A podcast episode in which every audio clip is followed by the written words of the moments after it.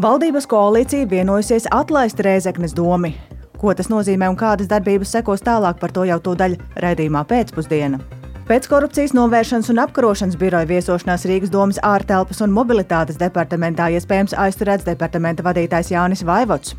Vēlos teikt, ka pašvaldībā mums ir nulles tolerants pret korupciju.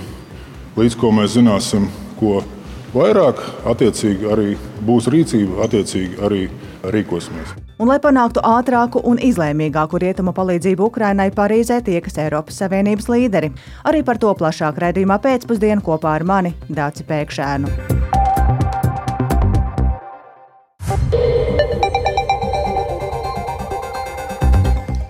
Pūkstens ir 16,5 minūtes. Skanējums sāk ziņu raidījums pēcpusdiena, kurā plašāks skaidrojums par šodien būtisko studijā Dāca Pēkšēna.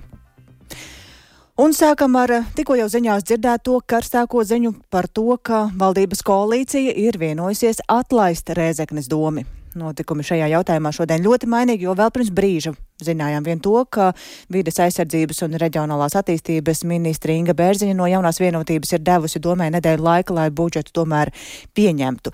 Plašāk par notikumu gaitu, kāda tā šodien ir bijusi, izstāstīs Agnija Lazdiņas. Sveika, Agnija!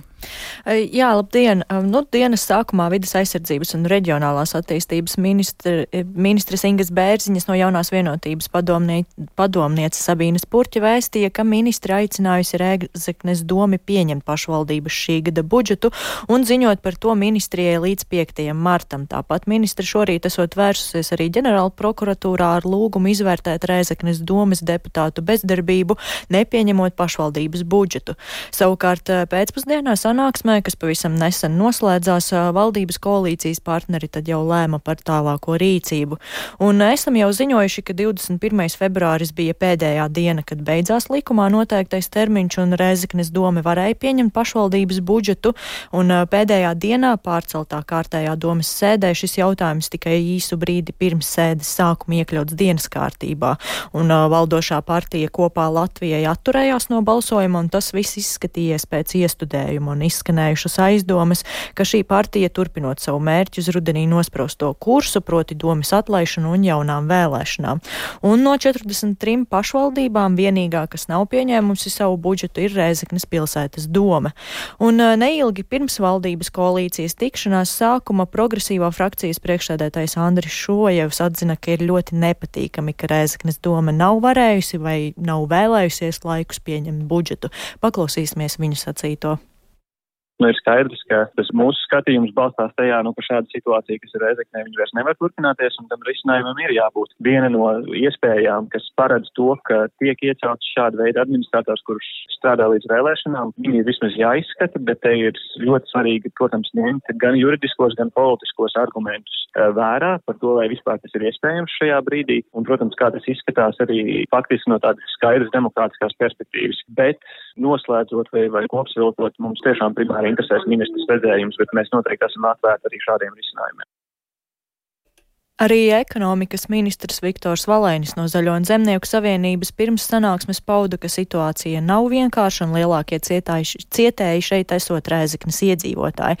Tāpat viņam esot sajūta, ka Rēzeknes deputāti cenšoties izvairīties no atbildības, un arī Saimas valsts pārvaldes un pašvaldības komisijas vadītājs Oļegs Burovs pirms, pirms koalīcijas tikšanās sarunā ar Latvijas radio norādīja, ka ir nepieciešams aktīvi rīkoties un pieņemt lēmumus. Paklausīsimies viņa sacīto ka šeit varētu būt divi varianti. Tas ir finanšu stabilizācija, un lai nāk finanšu uzraugs, kas pārbauda visi maksājumi, tikai paliek maksājumi līdz kaut kādai minimālai zināmai summai pašiem Rezeknes pašvaldībai. Tas ir viens variants, otrais variants - Rezeknes atlaišana. Bet bez tādas uzraudzības stingras nu, mēs neko nedabūsim. Viņi šobrīd burtiski šantažē valsti ar savu rīcību. Viņi prasa vai lielāku vēl finansējumu, un pie tā visa mēs mēs redzam, ka viņi visu laiku kritizē valsti, ka valsts ir vainīgs. Tas nav tā. Šobrīd es vērtēju šo kā bezatbildīgu, nesaimniecisku rīcību, un man ir aizdomas, ka tas ir apzināta rīcība, kas var novest līdz bankrotam. Komentējot Reizeknes pilsētas domas rīcību, ministra pre prezidenta Evika Siliņa no jaunās vienotības ir paudusi, ka Reizeknes pašvaldība jau zināmu laiku spēlējas ar savu iedzīvotāju dzīvēm un nepilda savu pirmo uzdevumu. Arī valsts prezidents Edgars Rinkēvičs ir sacījis, ka ja Reizeknes valsts pilsētas pašvaldības doma nevar pieņemt lēmumu par šī gada budžetu un pasākumiem pašvaldības finanšu stabilizēšanai, tā ar likumu ir jāatlaiž. Nu, sanāksme ir noslēgusies un valdības koalīcija vienojusies atlaist atlaist Rēzeknes domu. Dace. Paldies Agnijai Lazdaņai par šo ieskatu, kā notikuma attīstījās šajā dienā, bet šobrīd esam sazinājušies ar vīdes aizsardzības un reģionālās attīstības ministri Ingu Bērziņu no jaunās vienotības. Labdien! Labdien! Vēl pirms brīža bija ziņa par to, ka dosiet nedēļu laiku, lai Reizekne sagatavotu savu budžetu. Tagad ziņa par Reizeknes domas atlaišanu. Kādēļ tā? Jā, jā, es varbūt vēlētos sākt ar to, ka mēs, kā varam ministrija, šodien esam arī vērsušies ģenerālprokuratūrā, lai izvērtētu Reizeknas pozīcijas deputātu atbildību, pareizāk sakot, bezdarbību šajā situācijā, kad budžetu bija iespējams pieņemt, bet viņi to nedarīja. Zinot, ka ir pieejams, pieejams valsts aizdevums 5 miljonu apmērā, ja tiek pieņemts bezdeficīta budžets, tādējādi ar šo aizdevumu spētu atrisināt situāciju attiecībā uz parādiem, un šo budžetu nepieņemot, šie parādi un parādu procenti pieaug. Mūsu ieskatā šeit ir jāvērtē īpaši arī katra pozīcijas deputāta atbildība šajā brīdī par zaudējumu nodarīšanu pašvaldībai. Jā, to vērtēs tātad. Jā. Mhm. jā, tur vērtēs ģenerāla prokuratūra, kas attiecās uz Rēzeknas valsts pilsētas pašvaldības atlaišanu. Tad jā, mēs kā varam ministrija šobrīd strādājam pie likuma projekta, uh, par Reizeknas valsts pilsētas atlaišanu. Un par to esam šodien vienojušies arī sadarbības sanāksmē.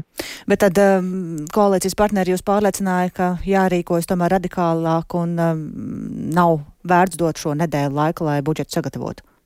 Man gribētos teikt, ka nebija vajadzīga pārliecināšana. Mans personīgais viedoklis ir uh, bijis tieši tāds, ka šobrīd Reizeknas valsts pilsētā nav vairs iespējams, uh, tur, nav vairs iespils, uh, iespējams turpināt strādāt Reizeknas valsts pilsētas domē, un tā būtu uh, atbrīvojama. Bet svarīgi ir šo lēmumu pieņemt nevis emocijās, bet pieņemt to tiesiski un uh, strādāt tā, lai šis lēmums būtu pamatots.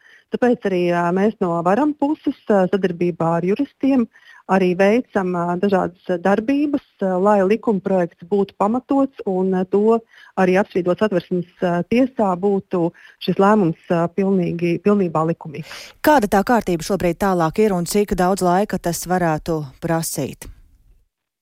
Jā, tātad mēs strādājam pie likuma projekta, kuru plānojam virzīt valdībā vai nu nākamnedēļ, vai vēlākais pēc divām nedēļām. Uh, lai piestrādātu pie pamatojuma, kā jau minēju, lai tas būtu tiešām juridiski pamatots, un tad likumprojekts nonāk saimā. Laika grafiks varētu būt, nu, vajadzētu marta beigās saimā šo likumprojektu pieņemt, nu, vēlākais būtu pats aprīļa sākums. Tas nozīmē, ka nu, šajā laikā pašvaldība vadītu administrācija līdz pašvaldību vēlēšanām. Ir vēl gana daudz pa... laika. Jā. Tā tad šobrīd, šobrīd vēl darbojas Reizeknas valsts pilsētas doma, kamēr tā nav atbrīvota. Pēc tam reizē pieņemot šo likumprojektu, tik, tiks iecelti administratori. Plānojam, ka tas nebūs viens, bet tie būtu vismaz trīs administratori, kuri strādātu pārējais periodā. Un šobrīd mums notiek diskusijas par to, vai tas pārējais periods ir līdz ārkārtas vēlēšanām, kas notiktu 4 līdz 6 mēnešu laikā, vai arī šis pārējais periods būtu līdz nākamā gada. Tas ir 25. gadā pašvaldību vēlēšanām. Nu jā, jo te ir jautājums par to, ka ir gana daudz funkciju, ko drīkst pildīt tikai doma, vai šis laiks nav pārāk ilgs bez domas. Jā, tāpēc, kā jau minēju, tas tiks ļoti uzmanīgi arī vērtēts. Un to skatīs arī atbildīgā saimnes, saimnes komisija sadarbībā ar saimnes juridisko biroju. Un, pēc šī vērtējuma arī tiks pieņemts lēmums, vai mēs rīkojam, kā jau minēju, ārkārtas vēlēšanas, kas būtu pēc četriem līdz sešiem mēnešiem, vai tomēr mums ir iespēja pamatot un šīs vēlēšanas rīkot ar nākamā gada pašvaldību vēlēšanām. Paldies par komentāru šobrīd vidas aizsardzības un reģionālās attīstības ministrei Ingai Bērziņai. Bet gandrīz vienlaikus ar varam ministres Bērziņas pārunām valdībām par situāciju Rezeknē sprieda arī paši situācijas vaininieki un Reizeknē valdošā politiskā partija kopā Latvijai bija sasaukusi savu preses konferenci, skaidrojot, kādēļ tā tad nebalsoja par pilsētas budžetu. Un šobrīd par notikumiem Latgalē esam sazinājušies ar kolēģi Madaru Bērtiņu. Sveika, Madara! Jā, labdien! Eh, burtiski pirms pāris minūtēm noslēdzās šī preses konference, lai gan sākumā tikties ar žurnālistiem eh, šajā uzaicinājumā tika teikts, ka konferen preses, preses konferencē piedalīsies eh, visi kopā Latvijai deputāti, taču ar žurnālistiem tikās vien atstādinātais pilsētas mērs Aleksandrs Bartaševičs no partijas kopā Latvijai, kurš arī ir šīs partijas vadītājs. Līdzīgi kā iepriekš, Bartaševičs pārmeta ministrijām un valdībai to, ka likumi tiek rakstīti speciāli Rēzeknei un ka pret esot esot vērsta, eh, citēju, draudu un iebiedēšanas politika no valsts puses, respektīvi, lai uzsāktu šo stabilizācijas procesu vai piešķirtu 5 eh, miljonu aizdevumu, valdība pretī prasa arī kādas darbības, lai nākotnē tātad vairs neatkārtotos līdzīga situācija, kad pilsēta ir tuvu bankrota slieksnim, taču atstādinātā mēra prāt tie no valdības puses esot draudi un iebiedēšana. Eh, Bartaševičs arī skaidroja, kāpēc viņa vadītā partija nav balsojusi par budžeta apstiprināšanu Nu, paklausīsimies, ko viņš saka. Tiešām budžeta variants bija piedāvāts eh, diezgan ātros eh, tempos deputātiem apstiprināt un, un izskatīt. Bet, eh, kā jau atsevišķi deputāti teica, ka nu, diezgan ātri bija jāpieņem lēmumi, nebija pietiekoši laika, lai iepazīties ar dokumentu galīgo. Kaut gan, protams, visi deputāti piedalījās gan darba grupas, gan dokumentu sagatavošanā. Acīm redzami, ka budžeta izskatīšana notiks 7. martā. Tas ir kārta jūnas sēde. Mums visu laiku pārmet mūsu kā, kā, kā kādu sazvērestību attiecībā uz budžetu, ka mēs mēģinām sagatavot situāciju, lai doma būtu atlaista. Tad es šeit oficiāli varu paziņot, ka nekad mūsu frakcijas mērķis, mans personīgs mērķis, nebija domas atlaišana. Tieši pretēji Bet jāteic, ka arī alternatīvas, kā samazināt budžetu, Bartaševiča, Bartaševiča partija nepiedāvāja. Un tajā pašā laikā nepiekrita šiem te, uh, budžeta samazinājuma avotiem, ko ir izstrādājusi pašvaldības administrācija, piemēram, at, atvaļinājumu pabalstu noņemšanai vai uh, pagaidām četru dienu, darba dienu nedēļai uh, pašvaldības darbiniekiem, vai arī, piemēram, latgaliešu un krievu valodas fakultatīviem. Starp citu, runājot par krievu valodas mācīšanas fakultatīvu, Bartaševičs to nosauca. Tātad Bartaševičs teica, ka ir svarīgi to saglabāt un nosauca par uh, drošības jautājumu, jo esot jāciena minoritāte aktivitātes.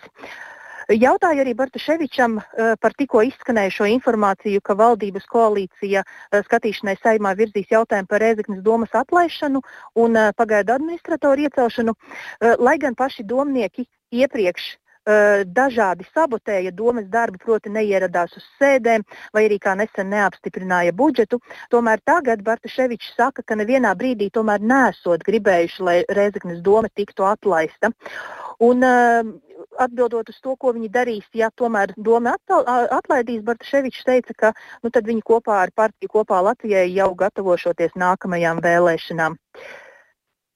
Paldies Madarai Bērtiņai. Tātad, kā dzirdējām, Bartaševičs noraida pārmetumus, ka būtu apzināti rīkojies, lai Reizeknes dome tiktu atlaista, bet, kā dzirdējām, tad valdības koalīcija ir vienojusies par šādu lēmumu.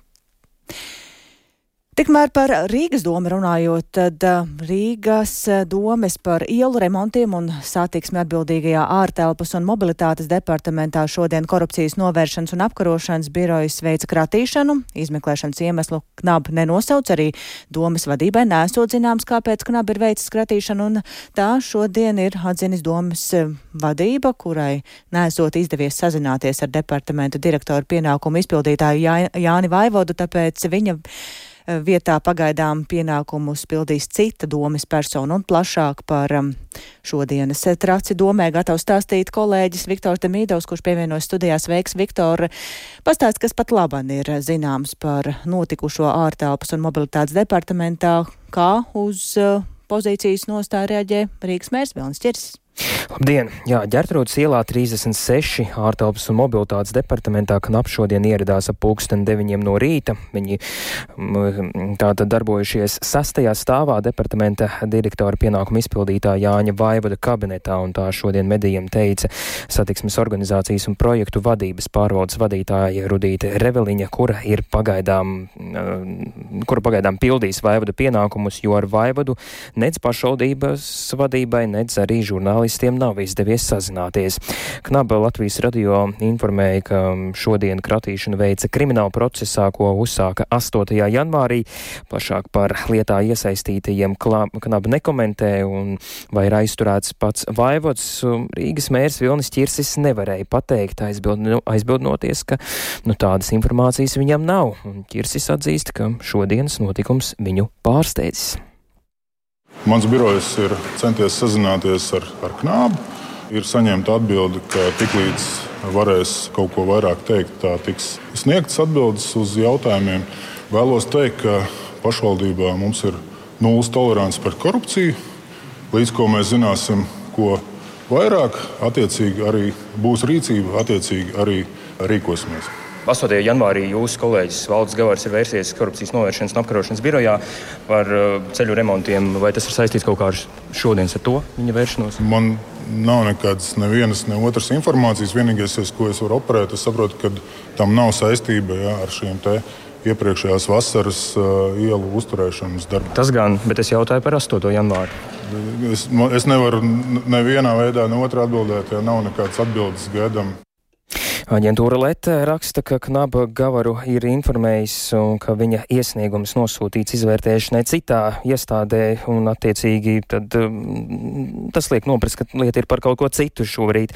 Bet Latvijas radio rīcībā neoficiālā informācija ir tāda, ka departamenta direktora pienākuma izpildītājs Jānis Faivots ir aizturēts un vēl kāds domas uh, pārstāvis teicis, ka ar Vaivadu mēģināja sazināties aizvadītajās brīvdienās, taču tas ne, nav izdevies un ierasti viņš uz zvaniem, atbildot pat brīvdienās.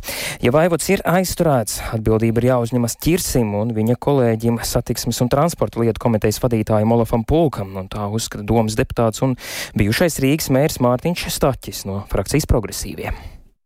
Es jau nekad neesmu slēpis, ka es šim departamentu direktoru pienākumu izpildītājam, kurš bija bijušais Reimbakunga biroja vadītājs, neusticējos. Olas Pūks un Vilnis Čīrs vienmēr uzņēmās personīgu atbildību par šo cilvēku. Atcerieties arī tad, kad mēs rosinājām izmeklēšanu, darīja visu, lai šī izmeklēšana nenotiktu. Tad, kad mēs rosinājām, ka jāorganizē eh, satiksmes departaments, darīja visu, lai šo reorganizāciju atliktu. Nu, tad, tad darīja visu, lai saglabātu esošo status quo. Nu, šobrīd tas ir novedis pie šādas situācijas. Mana sajūta ir, ka tas nav saistīts ne ar Gavara kunga iesniegumu. Ne ar ko citu. Es domāju, ka Knaps ir šīs izmeklēšanas darbības veids jau ilgākā laikā. Vienkārši 8, tagad ir vienkārši 8. janvārī ierosināts jau krimināla process. Un, nu, krimināla process nozīmē, ka pierādījumi ir savākti ļoti nopietni. Vēl piebildīšu, ka opozīcijas frakcija saskaņa aicina ķirsi un pulku atkāpties no amata. Tad arī rodas jautājums, kā uz to reaģē Vilnis ķirsis.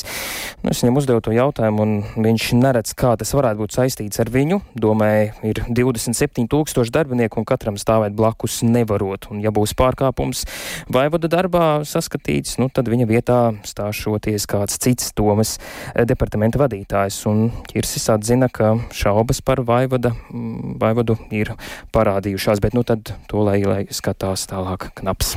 Paldies Viktoram Demīdovam par šo skaidrojumu, bet eh, vai Eiropas Savienības līderiem Parīzē izdosies panākt ātrāku un izlīmīgāku rietumu palīdzību Ukrainai un kā dažādu jomu eksperti vērtē portāla LSMLV rīcību, publicējot cūku komiksu, kas izpelnījies plašu internetu lietotāju kritiku. Arī par to jau tūdaļ plašāk raidījumā pēcpusdienu.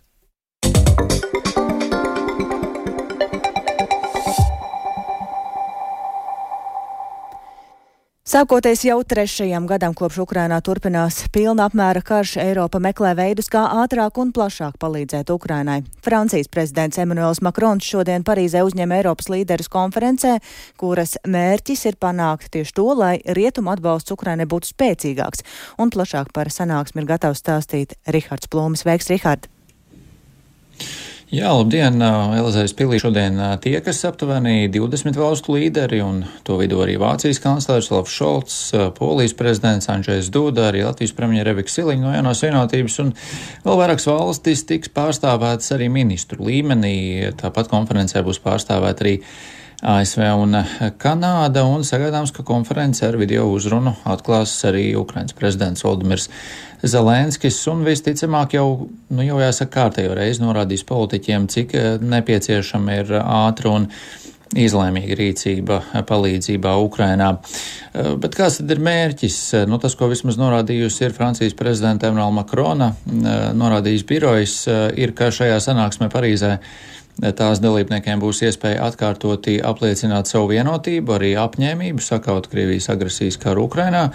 Politiķi arī apspriedīs visus līdzekļus, lai efektīvi atbalstītu Ukraini, Ukrainu, un ar šo sanāksmi esot eh, vēlme nosūtīt skaidru signālu Krievijai, ka tā eh, negūs virsroku šajā karā. Bet, nu, katrā ziņā jauni palīdzības paziņojumi šajā konferencē, šīs konferences laikā nav plānoti, taču tikšot meklēt veidi, kā darīt lietas labāk un izlēmīgāk. Nu, cerams, ka patiesi šīs sarunas būs iespēja gan pārliecināt vienam otru, gan rast veidus, kā efektīvāk un ātrāk sniegt palīdzību Ukrainai, jo zinām, ka rietumi tiešām var darīt daudz vairāk, ja vien uz to ir saņemšanās. Protams, ka sanāksme ir arī iespēja Makronam parādīt sevi kā Eiropas čempionu Ukraiņas jautājumā, jautājumos, īpaši laikā, kad pieaug bažas, ka amerikāņu atbalsts tuvākajos gados varētu mazināties un Eiropai beidzot reāli un ātri ir jādomā par savu aizsardzību gan tagad, gan ilgtermiņā. Un vēl jau pirms atkārtotā Krievijas iebrukuma Ukrainā tieši Makrons arī aicināja uz tādu lielāku Eiropas autonomiju drošības jautājumos. Un runājot par politiķu vārdiem par palīdzību Ukrainai, kas eh, izskan eh, daudz, bet šķiet tie tomēr nepāriet darbos. Un Ukrainas aizsardzības ministrs Rustems Umerovs jau nedēļas nogalē pauda nožēlu, ka valstu apņemšanās kaut ko darīt vēl nebūtu nenozīmē rīcību, proti no vārdiem ir jāpāriet uz darbiem, un viņš arī uzsver, ka pusi no rietumu Kīvai apsolītās militārās palīdzības tiek piegādāta novēloti. Un atkāpšanās no Avdīva, kas vismaz daļēji ir notikusi tieši ieroču un munīcijas trūkuma dēļ, un Šodien Ukrainas armija pavēstīja, ka ir atkāpusies arī no Lastočkinas ciemā aptuveni 5 km no Avdījieva, kas Krievija pēdējās nedēļās cenšas izmantot savus priekšrocības kaujas laukā uz um, Ukrainas šo te ierobežoto resursu trūkuma un cenšas virzīties arī tālāk par Avdījevu, un aktivitāte, protams, ir arī citos frontes sektoros. Dace. Paldies Rihardam Plūmēm. Lūkosim, kādas būs līderu sarunas Parīzē. Bet um, Baltkrievijā ir notikušas parlamentu un pašvaldību vēlēšanas, taču jau pirms tām bija skaidrs, ka Tas ir valsts ilgadējā vadītāja Aleksandra Lukašenko autoritārā režīma diriģēts iestudējums ar iepriekš paredzamām beigām. Trimdā dzīvojošie Baltkrievu opozicionāri tās dēvēja par viltus vēlēšanām, bet ASV norādīja, ka balsojums neatbilda nekādiem demokrātiskajiem standartiem. Tikmēr Lukašenko vakardienas balsojumu izmantoja kā platformu, lai paziņotu par kandidēšanu nākamā gada prezidenta vēlēšanās. Un vairāk par Baltkrievijā aizvadītajām vēlēšanām stāsta Uldis Česberis. Vakar notikušās vēlēšanas bija pirmās kopš 2020. gada augustā notikušajām Baltkrievijas prezidenta vēlēšanām, pēc kurām valsti pārņēma nepieredzēti plaši protesti.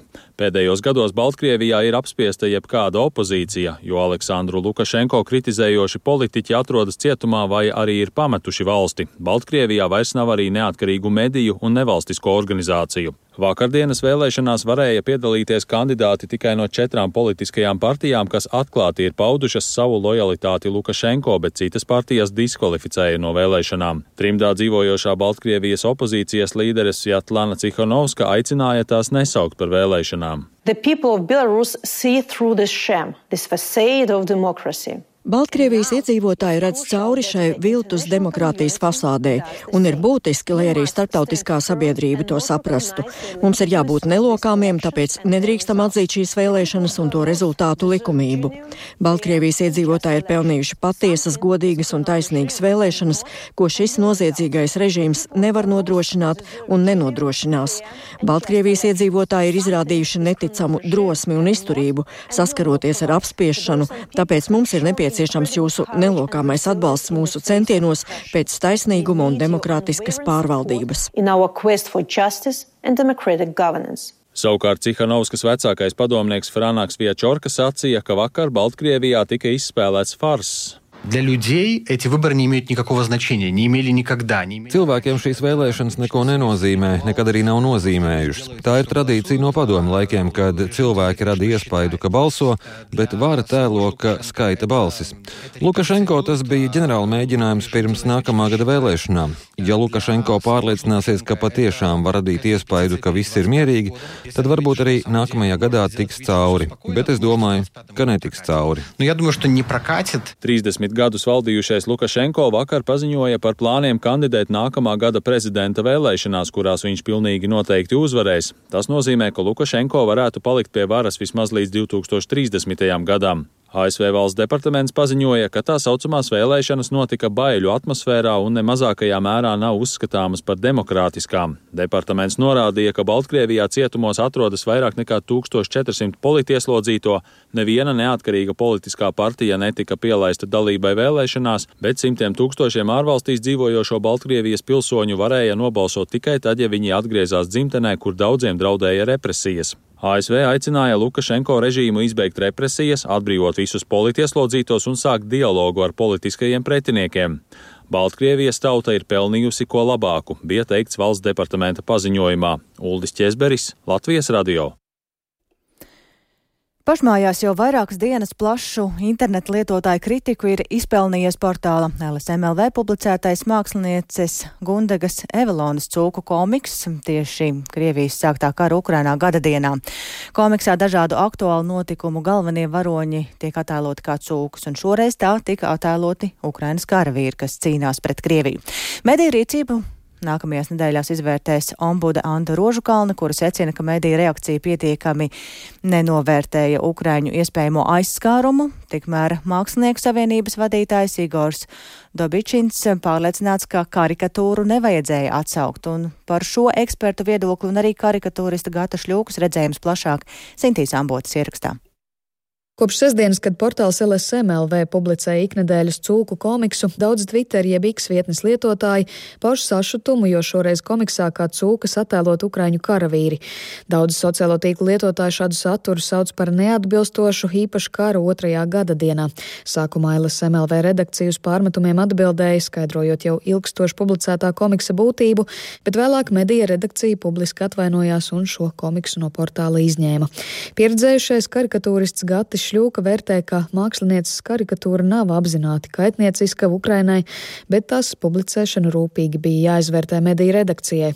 Pilnīgi jebko varbūt arī nevajag vienmēr attaisnot ar mākslas brīvību, un kaut kāds konteksts tomēr pastāv. Nu, Es arī negribētu, ka iebraukt tādā otrā grāvī, ka tagad katram darbam vai karikatūrē tiks tur, nezinu, kāda tur vērtēšanas komisija veidota, nezinu, saimas izmeklēšanas komisija un vēl sazinu kas. Bet, nu, kaut kā laikam jājūt, kas varētu derēt, nederēt konkrētajā situācijā, un uh, nav izslēgtas arī kaut kādas kļūdas citreiz, un, un ir tāpēc tomēr redaktors vai kas, kas tomēr tā kā, nu, tajā posmā līdz publikācijai, nu, kurš pateikt, varbūt ka, nu, tas nav ok, ja šajā gadījumā tomēr nu, nebūs labi. Ja. Uzmanību publikācijai pievērs arī valsts prezidents Edgars Rinkēvičs, kurš Twitterī atzīmējot portālu rakstīja, ka jokot var un vajag, bet svarīgs ir arī konteksts.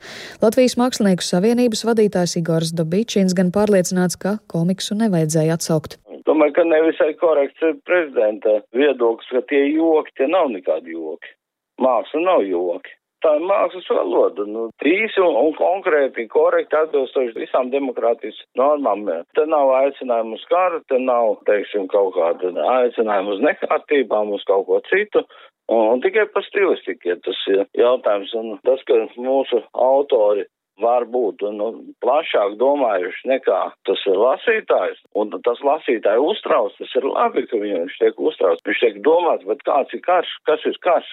Mākslas uzdevums nav dekorēt jo karš jau nav nekāda izpriece, nekāds glītums un nekāda skatu priecējoša aina. Domāju, ka mums arī ir jābūt ļoti plašāk domājošiem un arī izteikties nu, nevis pēc viena kanona. Savukārt daļa sociālo tīklu lietotāju bez atvainošanās pieprasa arī mediju sodīšanu. Sabiedrisko elektronisko plašsaziņas līdzekļu padomu aicinājusi ombudi Andu Rožukalnu izvērtēt LSMLV publicēto cūku komiksu.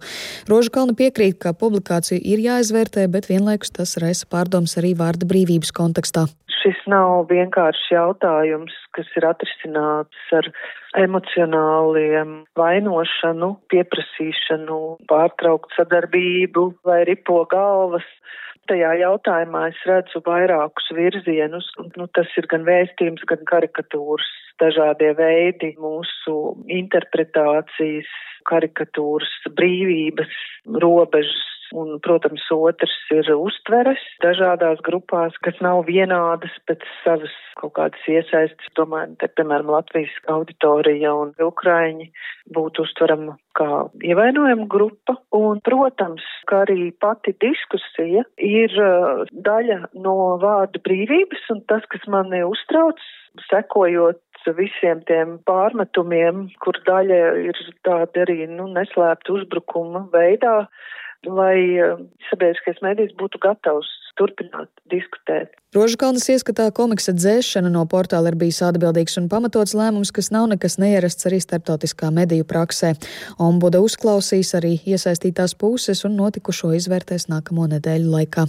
Sinti Ambote, Latvijas radio. Tikko dzirdējām vairāk ekspertu teikto, bet kamēr turpinās izvērtējums no malas, esam sazvanījuši LSM LV galveno redaktori Martu Cēravu. Sveicināti! Sveiki! Vēlreiz atskatoties uz notikušo, jau tad, kad internetā parādījās plaša kritika, LSM sākotnēji centās skaidrot, pamatot savu izvēli, vēlāk tomēr karikatūru izņēmāt un atvainojāties. Kas notika šajā posmā dienas laikā, kāpēc LSM viedokli mainīja? Jā, pašā sākumā, kad eh, tīklos parādījās šie pirmie jautājumi, kas ir šis komiks, tad tas mūsu vērtējums, mans vērtējums bija tāds, ka šie jautātāji ir izrāvuši no konteksta konkrētās bildes un nav nolasījuši visu mūsu vēstījumu. Mūsu vēstījums bija Ukrainai ir jāuzvar. Tā mēs visur to pozicionējam šo, šīs dienas komiksu, jo mēs gribējām pacelt to noskaņojumu sabiedrībā, ka ir iespēja tur joprojām uzvarēt. Taču vēlāk Eh, vēlāk sapratu, ka komiks ir izgājis ārpus savas mērķa autorijas, kas ir Latvijas, un nokļuvis arī pie Ukrāņiem. Ukrāņiem tas varētu nebūt izprotams un tēla daudznozīmības dēļ. Un ka viņi varētu tik sāpināti. Mēs jau arī citos gadījumos, ja redzam, ka kāda neaizsargātā grupa ir nu, attēlot ne tā, kā viņi gribētu, vai kā viņi jūtas, vai ka viņi vēl vairāk tiek sāpināti, eh, tad mēs šīs, šo grupu intereses liekam augstāk par, par visu citu, un arī šajā gadījumā par šo mūsu brīvību, mākslas brīvību. Mēs gribējām pasargāt šos cilvēkus. Un, un, uh, un tajā brīdī mm. es, es nolēmu šo publikāciju Jā. izņemt no mūsu Tas nozīmē, ka tas eh, nenotika pēc eh, prezidenta iesaistīšanās, kā tas vienā brīdī izskatījās eh, īsi, ka šis lēmums tika pieņemts īsi pēc tam, kad parādījās prezidenta ieraksts diskusijās, sakot, ka jokot var un vajag, bet svarīgāks ir konteksts. Jā, nu tas izskatījās līdzīgi laikā, bet tajā laikā mēs jau skaņojām savstarpēju šo paziņojumu, un līdz ar to tas Jā, -hmm. tam ne, nebija nekāda sakara. Bet, ne. bet pirms šīs karikatūras publicēšanas bija kādas diskusijas redakcijas iekšienē, vai arī bez apspriešanās pieņēmāt, ka šī ir sērija, ko iedzīvotāji pazīst un īpaši ne, nekas netika vērtēts? Konkrētā rubrika Cūku komiks LSM ir jau uh, regulārs saturs, tas ir katru nedēļu tiek publicēts, un, un mēs katru komiksu nepārskatām plašāk kaut kādā redakcijas lokā. Un, uh, Mēs uz katru no šiem komiksiem jau ilgstoši bijām raudzījušies tikai uz to, ka tās ir cūkas no mūsu cūku komiksa un neko nesaskatījām tajā īpašāk arī šajā reizē. Un tā ir arī uh, viena no lietām, kas, uh, ko mēs esam pārdomājuši par, par to, ka, nu, ka, ka komiksi ir, uz komiksiem jāpāraugās arī nu, plašāk. Nu jā, tas ir tas, ko es gribēju vaicāt. Jā, kādas ir šajā situācijā gūtās mācības, kas varbūt nākotnē tiks ņemtas vērā? Jā, nu, eh, viena lieta ir tas, ka šis bija tas jūtīgais datums. Mums ir arī ārkārtīgi jāskatās eh, par, par datumiem, un eh, vietām un laikiem, kad kas būtu cieņpilni pret dažādajām auditorijām. Otra lieta ir par to, lai mūsu vizuālais vēstījums ir nepārprotamāks, lai nevar izraukt no konteksta tikai bildi, lai gan uzraksts ir Ukrainai ir jāuzvar, ka šis būtu jāpārvērtē, lai mēs nepublicējam kaut ko E, izaujamu. Un trešais ir e, joprojām e, Latvijas televīzijā notiks arī redkolēģija, kurā mēs izvērtēsim šo. Iespējams, radīsies vēl kādi secinājumi, kā mums uzlabot procesu, varbūt radīsim kādus nosacījumus vai vadlīnijas, kā, kā komiksi vai, vai šis mūsu publicistiskais žanrs pie mums tiek publicēts. Bet cūku komiks turpināsies, vai tas būs zināms tikai pēc izvērtējuma?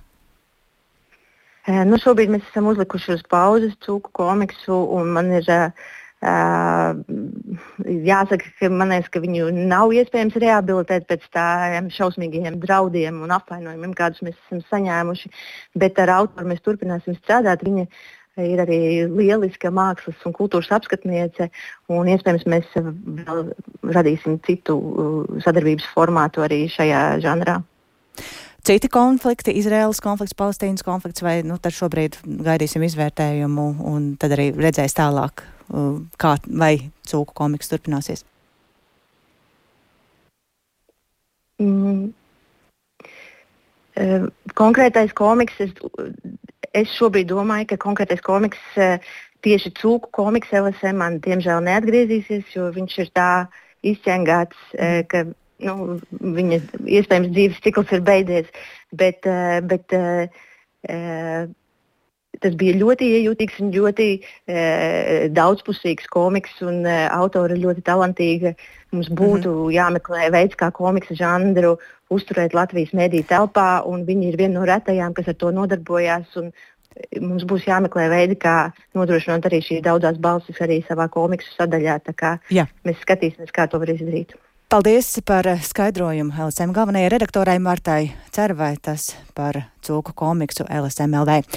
Bet redzījuma noslēgumā vēl par sportu. Šoreiz runāsim par volejbolu, jo veiksmīgi nedēļas nogali ir aizvedījuši Latvijas volejbola klubi, gūti panākumi Baltijas līgas ceturdaļfinālos. Jau šīs nedēļas beigās notiks arī fināla turnīri gan sievietēm, gan vīriešiem. Turklāt Latvijas klubiem izšķirošajos mačos ir gaidāma plašāka pārstāvniecība nekā parasti un plašāk par vietējā volejbola aktualitātēm runāsim ar kolēģi Māri Bergu.